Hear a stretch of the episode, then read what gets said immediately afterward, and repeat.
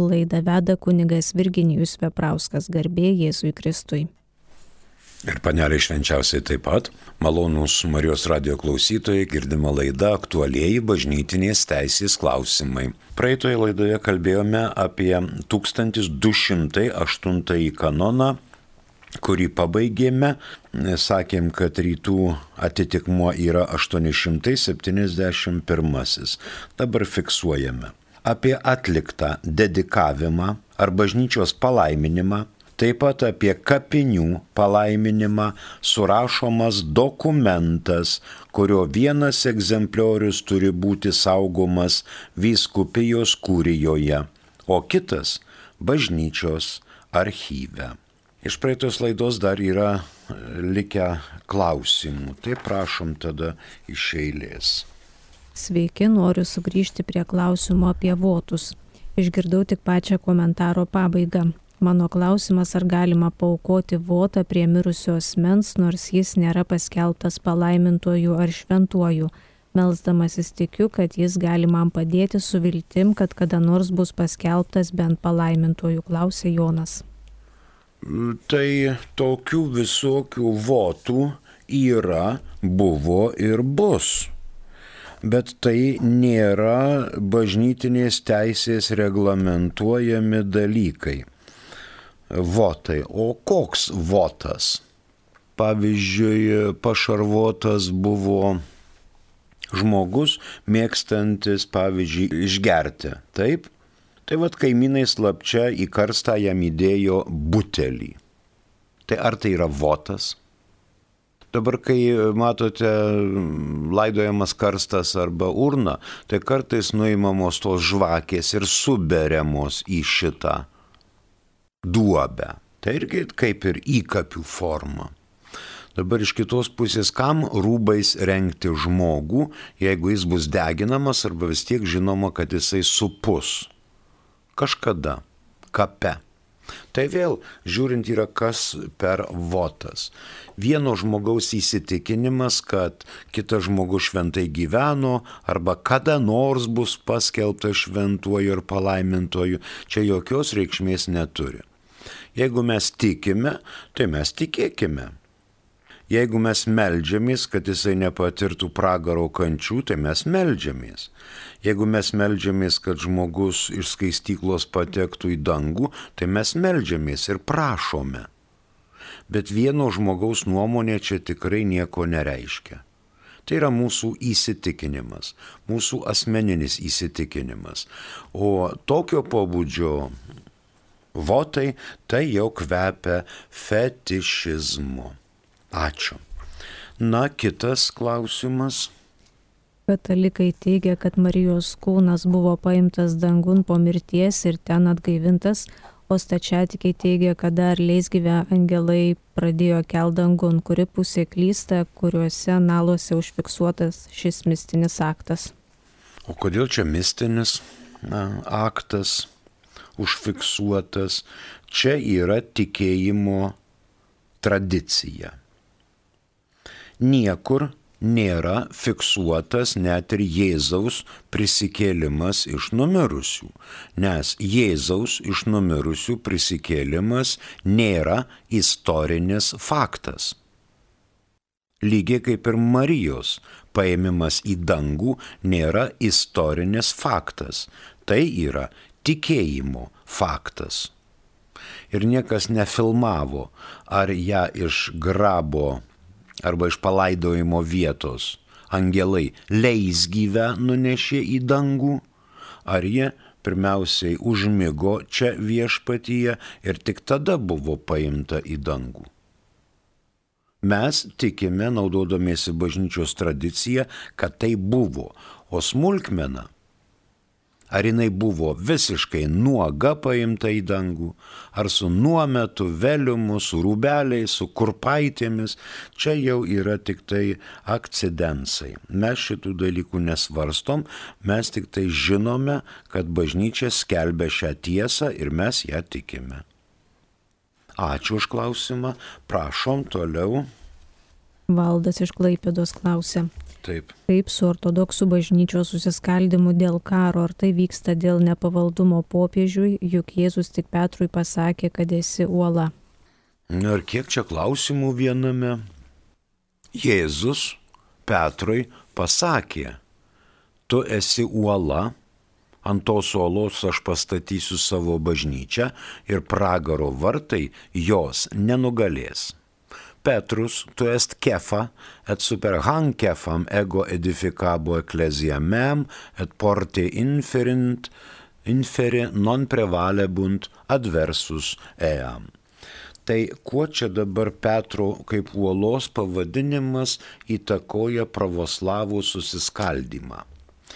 Inokentijus arkivyskupas metropolitas darė net Vilniuje procesiją prieš karą ir prieš bažnyčios susiskaldymą.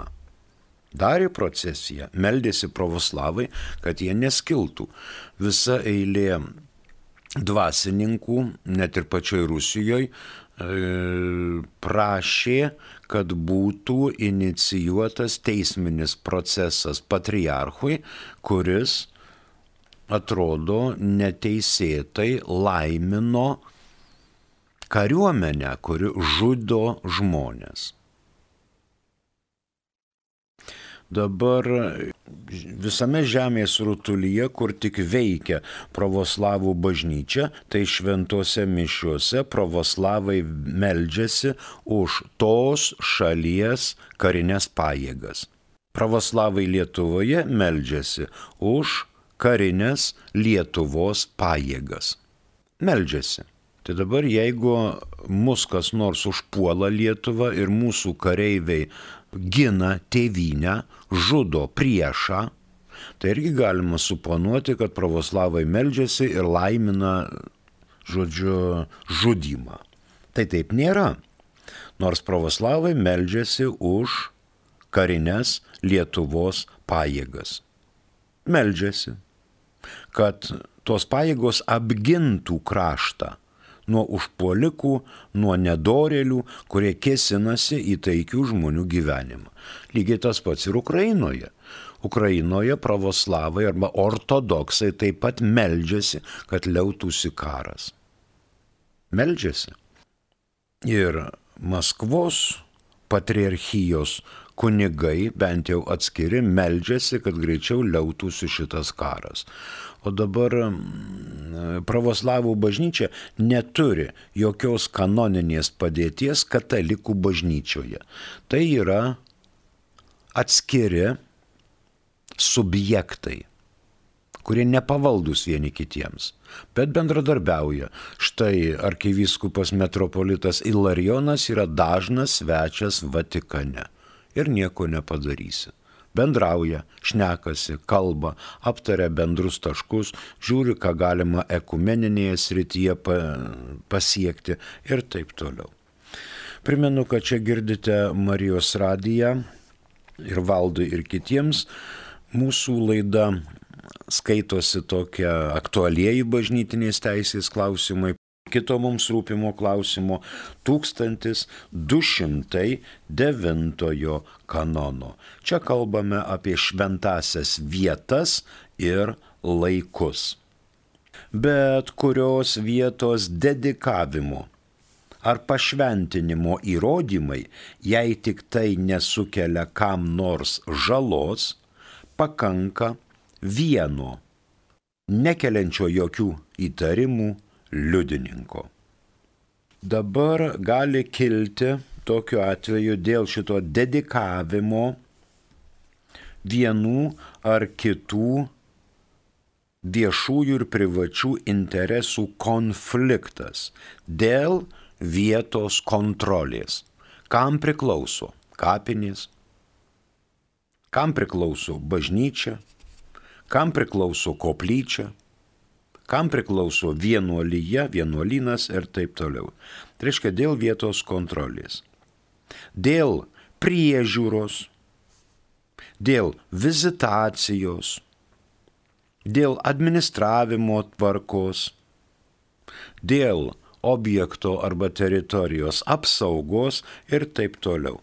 Kad nekiltų viešų ir privačių interesų, turi būti tos vietos po dedikavimo ar pašventinimo tam tikri įrodymai, kad šita bažnyčia priklauso katalikų bendruomeniai. Kas dar yra išsaugoję, pavyzdžiui, Žygimanto Augusto laikų raštus, kad karalius liepęs pašventinti arba atrėžęs savo karališkų žemių dalį leido pasistatyti bažnyčią, kad tikintieji galėtų melstis. O kas yra išsaugoję, tai jie turi ir bet kada iš stalčiaus arba iš seifo ištraukia ir parodo. Štai yra karališkas raštas su spaudais ir karališkais parašais tai dedikavimas arba palaiminimas negali atnešti žalos niekam. Taip ir kanonė. Jei tik tai nesukelia kam nors žalos, pakanka vieno nekeliančio jokių įtarimų liudininko. Kartais būna atveju, kai vieno liudininko ir nepakanka, bet turi būti privalo būti pasiektas konsensusas, kad būtų viskas aišku. Ar priklauso ši dedikuota ar pašventinta vieta katalikų bažnyčiai, ar nepriklauso. Visos senosios kapinės, žinoma, buvo dedikuotos ir priklausė katalikų bažnyčiai bet po didžiosios spalio socialistinės revoliucijos ir po mūsų krašto okupacijos jau visos šitos kapinės nebepriklauso bažnyčiai, o priklauso valstybei ir valstybė šitos, šitas kapines administruoja. Yra kapinių administratorius, leidžia, neleidžia, yra vietų, nėra vietų, tvarko paminklų statymą, tvarko aikšteles privažiavimui, tvarko kitus dalykus, ten šiukšlių išvežimus ir taip toliau. Katalikų bažnyčiai jau anksčiau dedikuotos kapinės šiuo metu nebepriklauso. 1209 pasiaiškinome, fiksuojame. Bet kurios vietos dedikavimo ar pašventinimo įrodymai, jei tik tai nesukelia kam nors žalos, pakanka vieno nekeliančio jokių įtarimų liudininko. Toliau 1210. Šventojoje vietoje leidžiama tik tai, kas tarnauja kultui, pamaldumui, religijos praktikai ir skatinimui ir draudžiamas bet koks vietos šventumui svetimas dalykas. Bet ordinaras atskirų atveju gali leisti kitus panaudojimo būdus, jei tik jie neprieštarauja vietos šventumui. Čia dabar apibrėžiamas šitoje kanone socialinės pasiekmės. Pozityvios ir negatyvios. Vienas dalykas yra iki pašventinimo, kitas dalykas yra po pašventinimo. Iki pašventinimo, kol dar nėra pastatyta bažnyčia, galima joje drąsiai visiems eiti, žiūrėti, ekskursijas daryti, fotografuoti, matyti, šmirinėti po visokias būsimas zakristijas ir taip toliau. Po pašventinimo tai jau yra sakralinis objektas. Mums paskambino, prašom. Birutė iš Vilnius. Klausom. Ganytojo žodyje buvo pasakyta, kad visuotinius atlaidus ligonis gali gauti neišeidamas iš namų, gulėdamas lovui. Prašau paaiškinti, kaip tai galima padaryti. Ganytojo žodis yra visiškai ponia Birutė teisus. Ligonis, kuris negali judėti, gali pelnyti atlaidus savo patale, ten, kur jis randasi. Lygiai tokiu būdu kaip ir tas sveikasis, kuris nori pelnyti atlaidus ir vykdo atlaidams iškeltas sąlygas. Tas, kuris šiluvoje, tai reiškia šiluvoje jis gali pelnyti. O tas, kuris negali nujudėti į šiluvą, tas pelno atlaidus gulėdamas lovoje. Reikia sužadinti intenciją ir sukalbėti būtent tas maldas. Labai viskas paprasta. Ligoninėje, slaugos namuose, paliatyvios medicinos įstaigose galima pelnyti taip Tai yra priimtina ir tai yra skelbiama. Negalima uždrausti neįgaliam žmogui, kad jis negali pelnyti atlaidų. Gali. Ir jam leidžiama ten, kur jis yra, kur jis turi savo negalę, kuris yra prikaustytas prie lygos patalo. Ačiū. Dabar einame toliau apie 1210. Taigi minėjome, kad yra pozityvios ir negatyvios pasiekmės po pašventinimo. Iki pašventinimo tai yra paprastas pastatas, kurį darbininkai stato, technika zuja, šiuklės išvežamos, statybinės atliekos išnešamos, tai yra paprasčiausiai pastatas. O po pašventinimo jau yra kulto pastatas, dedikuotas. Dabar šita vieta kapinės arba bažnyčia, šita vieta riša žmogų ir Dievą. Ir tik tam tarnauja. Bet tai nesikerta su tikinčiųjų sambūriais, religiniam konferencijom, sakralinės muzikos koncertais ir kitokiomis tradicijomis.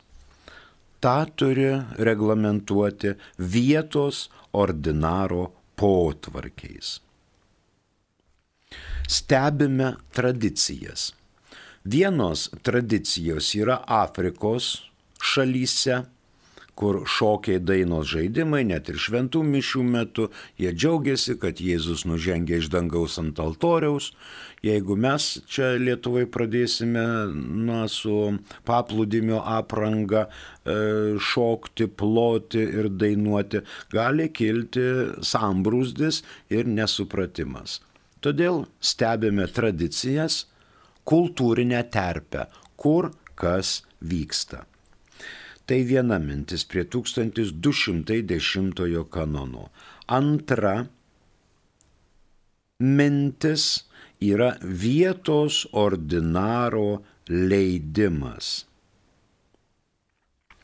Reikia žiūrėti į tai, kaip vystosi šiuo laikinės tikinčiųjų mentalitetas.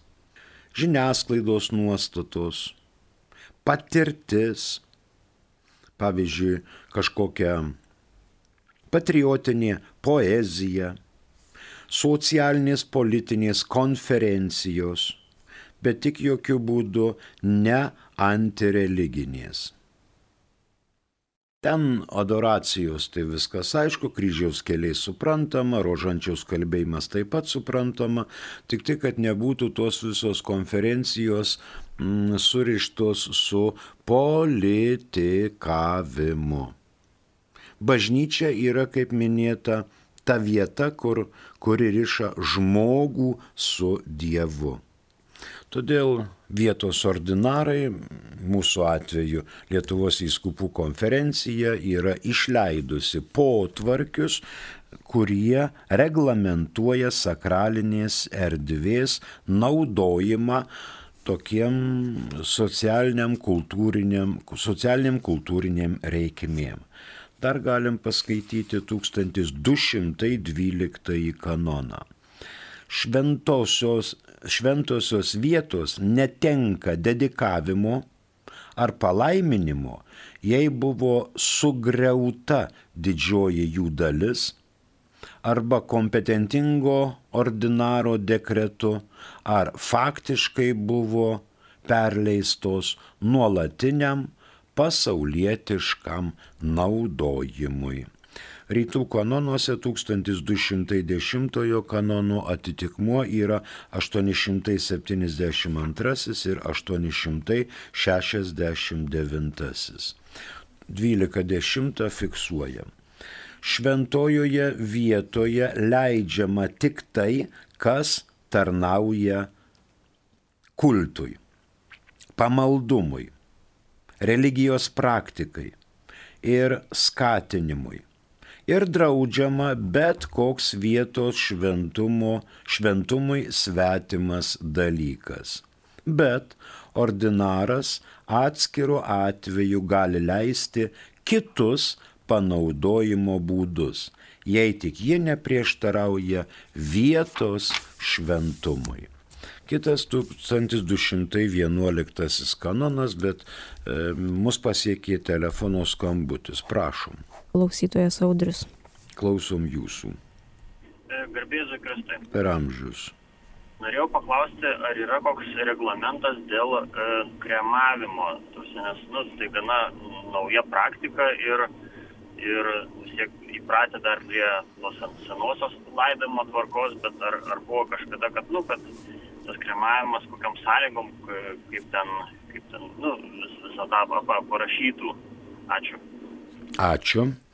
Nėra naujas dalykas kremavimas. Bažnyčia savo laiku yra leidusi kremuoti viduramžiais, kai siautė šiltinė, kai siautė maras, tada, pavyzdžiui, vienuoliai rokitai užsidėdavo specialias kaukės, eidavo per namus, rinkdavo lavonus ištisais kaimais ir miestais mirusius ir degindavo, o po to palaikus pelenus užkasdavo.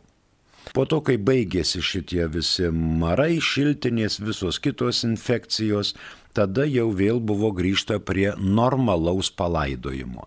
Šiai dienai bažnyčia leidžia kremavimą. Žinoma, patarė kad būtų laidojamas žmogus tikintysis kape, lygiai kaip ir Jėzus buvo palaidotas.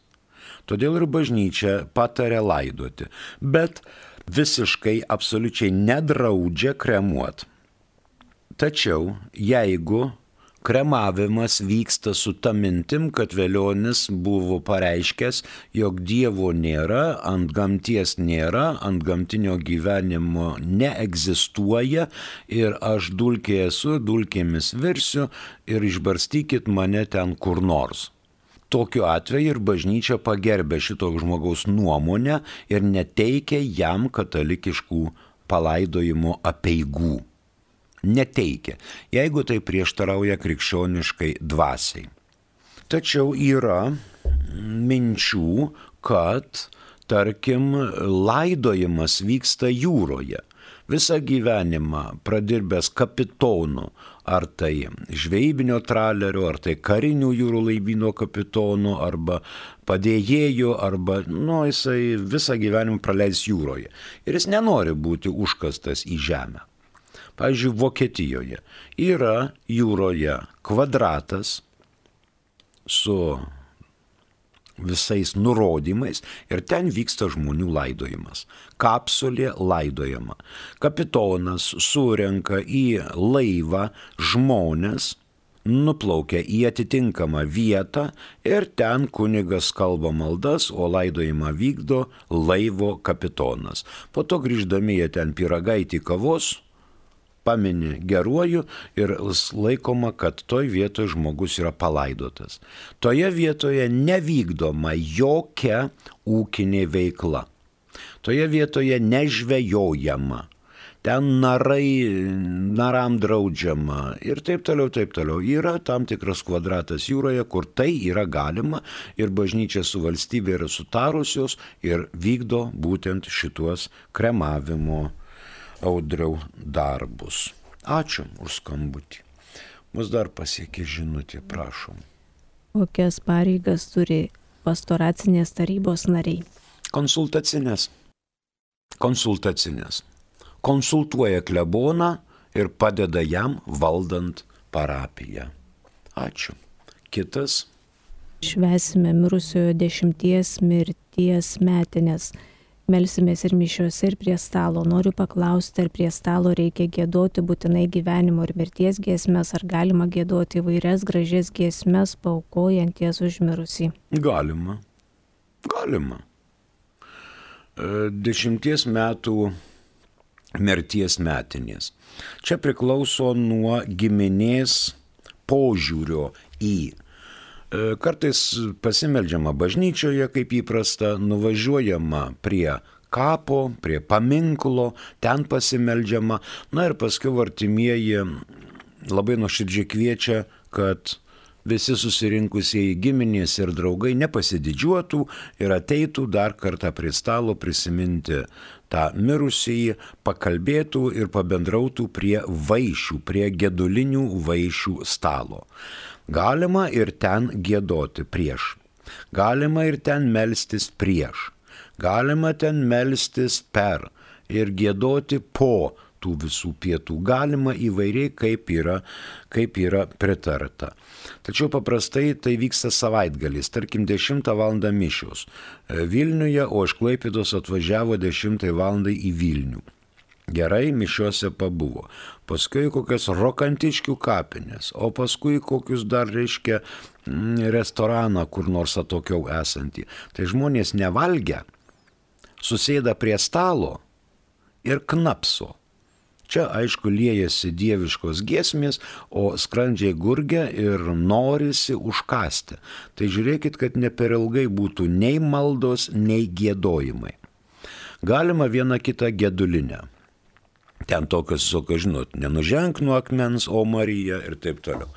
Gali būti, kad prieina iki to, kad na dabar mes galbūt tėvo mylimą dainą, ramę lietuvių liaudies dainą per metinės velionio. Partizanišką dainą. Kasgi trukdo? Dainuokit į sveikatą. Tik žiūrėkit, kad kas nors nenuoltų prie stalo, kai pradėsim dainuoti šėriau šėriau savo žirgelį kažkas. Na tai reikia žiūrėti, ar tai visiems priimtina, ar tai tinka. Galbūt žmogus kažkada gyvenęs taip pat buvo mylintis vieną ar kitą dainą, Pavyzdžiui, labai mylėjo devintąją simfoniją. Nu ir užleiskite tą devintą simfoniją, tegu tyliai ten odė džiaugsmui ir skamba, o jūs užkandžiaukit ir šnekėkitės. Nematau čia jokių bėdų, aš asmeniškai audriu. Ačiū. Dar vienas žinutė, prašom. Ekstremali padėtis baigėsi, ar galima priimti šventąją komuniją dviem būdais į rankas arba į burną? Lietuvos vyskupų konferencija besibaigiant šitai pandemijai šiais metais jau, kai buvo visi karantinai atšaukinėjami prieš gegužės mėnesį, leido išlaikyti tikintiesiems pasirinktinai šventos komunijos prieimimą. Arba ant liežuvio, arba į ranką, ant delno. Dabar tikintieji gali pasirinkti laisvai. Anksčiau Lietuvoje nebuvo įvedamas paprotys šventąją komuniją duoti ir priimti į delną. Dabar buvo leista per šitą pandemiją ir šitas draudimas nėra atšauktas. Kiekvienas pasirenka laisvai. Vienas ant liežuvio, kitas į delną. Vienas į delną, kitas ant liežuvio. Tai yra leidusi Lietuvos vyskupų konferencija Lietuvoje. Ačiū. Primenu, kad girdite laidą aktualieji bažnytinės teisės klausimai. Na, o mes toliau eikime prie 1211 kanono. 1211. Šventosios vietos yra išniekinamos, jei juose atliekami tikinčiuosius piktinantys, labai įžeidžiantys veiksmai, kurie vietos ordinaro nuomonė yra tokie svarbus ir priešingi vietos šventumui, kad nebeleistina juose atlikti kulto, kol neteisybė nebus atitaisyta. Atgailos apieigomis pagal liturginių knygų normą. Tai čia parašomi kriterijai, vertinant veiksmus dėl profanacijos ir tuo pačiu pareiga atitaisyti skriaudą. Yra dvi mintys. Pirma mintis. 1917 m. kanonų teisės kodekse reglamentavo šitos dalykus 1172 kanonas. Tai buvo objektyvūs būdai, objektyvios priežastys dėl šventos vietos išniekinimo. Dabartinėje teisėje prie objektyvių dalykų prisideda ir subjektyvios, bet sprendžia vietos ordinaras. Ir vietos ordinaro sprendimu šitos sąlygos turi būti ne tik subjektyvios, bet ir objektyvios. Pavyzdžiui, trys tokie kriterijai. E, šventoje vietoje yra sunkiai pažeidžiamas teisingumas. Pažeistas teisingumas. Sunkiai. Antras dalykas - tikinčiųjų papiktinimo iššaukimas. Didžiulis papiktinimas. Ir trečias dalykas, kad tai visi šitie dalykai vyktų šventoje vietoje. Kapinėse arba bažnyčioje. Na žinoma, kapinės tai ne visos prižiūrimos, kartais yra kokie nors nedideli kalneliai, kurio palaidojimas arba šventoriuje ir ten susirinko palkusai pradėti futboliuką. Labai graži pievelė, klebonas šienauja ir čia futboliuką palošim. Nu tai žinot, ateina žmonės ir sako, ką čia dabar dirbat, jūs ką neturit stadiono, prie mokyklos nėra, ko nėra. Tai kad sako, čia nėra kryžių, bet čia kapinės. Čia žmonės palaidoti. Šimtus metų prie bažnyčios buvo laidojami žmonės, o jūs pradedate čia futboliuką. Tai toks dar nėra išniekinimas, bet jau kelia tikinčiųjų papiktinimą. Kryžių nėra, reiškia, aplink bažnyčią galima futboliuką. Aplink bažnyčią eidam, einamos procesijos, eidame kryžiaus keliai, žmonės meldžiasi, eina keliais netgi atskirais atvejais, o čia dabar sugalvos futboliuką. Lengvai taip. Alučio dar atsineš, dar kokią mergą apsikabinės pabučiuos, šiukšlės ten primėtys butelių ir paskui kitą rytą klebonas turi rankioti. Tai netinkama žinoma prieš vertinant apie šitą profanaciją kreipiamasi į vietos ordinarą. Dėl to vengiama prieš tai paskelbti ir ištransliuoti, kad kažkas čia buvo, kažkas įvyko. Dėl tų formalumų, kol formalumų nėra, kol vietos ordinaras nepasakė kažkokių minčių taip arba ne, Tai reikia saugoti, kad nepasiektų tikinčiųjų ir neišauktų jų antros bangos papiktinimo. Kartais kai kurias vietas, pavyzdžiui, dėl profanacijos įtakoja socialinės kultūrinės sąlygos. Napoleonui buvo didžiausia šventė pirma komunija. Jis prisiminė iki pat mirties, kaip jis buvo gražiai aprengtas prancūziškai ir ėjo prie pirmos komunijos, nes buvo katalikas. Bet jam visiškai netrukdė ir Kaune Vytauto bažnyčia, ir Švento Jurgio bažnyčia, ir Zapiškio bažnyčia paversti arklide prancūzų žirgai nepratę prie atšiaurių žiemų, tai buvo laužomi, laužai kūrenami, altoriai kūrenami ir iš bažnyčių buvo paversta arklide. Imperatoriaus arkliai turi būti prižiūrėti. O čia pamanykit kažkokią katalikų bažnyčią. Prancūzijoje tai katalikų bažnyčia, o čia maurai, būrai, skudučiai visokie. Tai jie pakentės ir be bažnyčios. Tai va toks požiūris, žinoma, yra bažnyčios profanacija. Tai aišku, švenčiausio sakramento išniekinimas desakralizuoja bažnyčią. Žmonių ar žmogaus orumo stiprus pažeidimas desakralizuoja, ten žudymai, prievartavimai, va dabar Ukrainoje ten, kaip žinote, iš BTRO išlipo kareivėliai, pasigavo, išniekino, nušovė, jeigu tai bažnyčiai, aišku, desakralizuoja. Dar yra pažeidimas toksai, kilnojamų ar nekilnojamų daiktų profanacija. Neša ferendė sentencija, aišku, išniekinimo faktą, apie kurį skelbia vyskupas.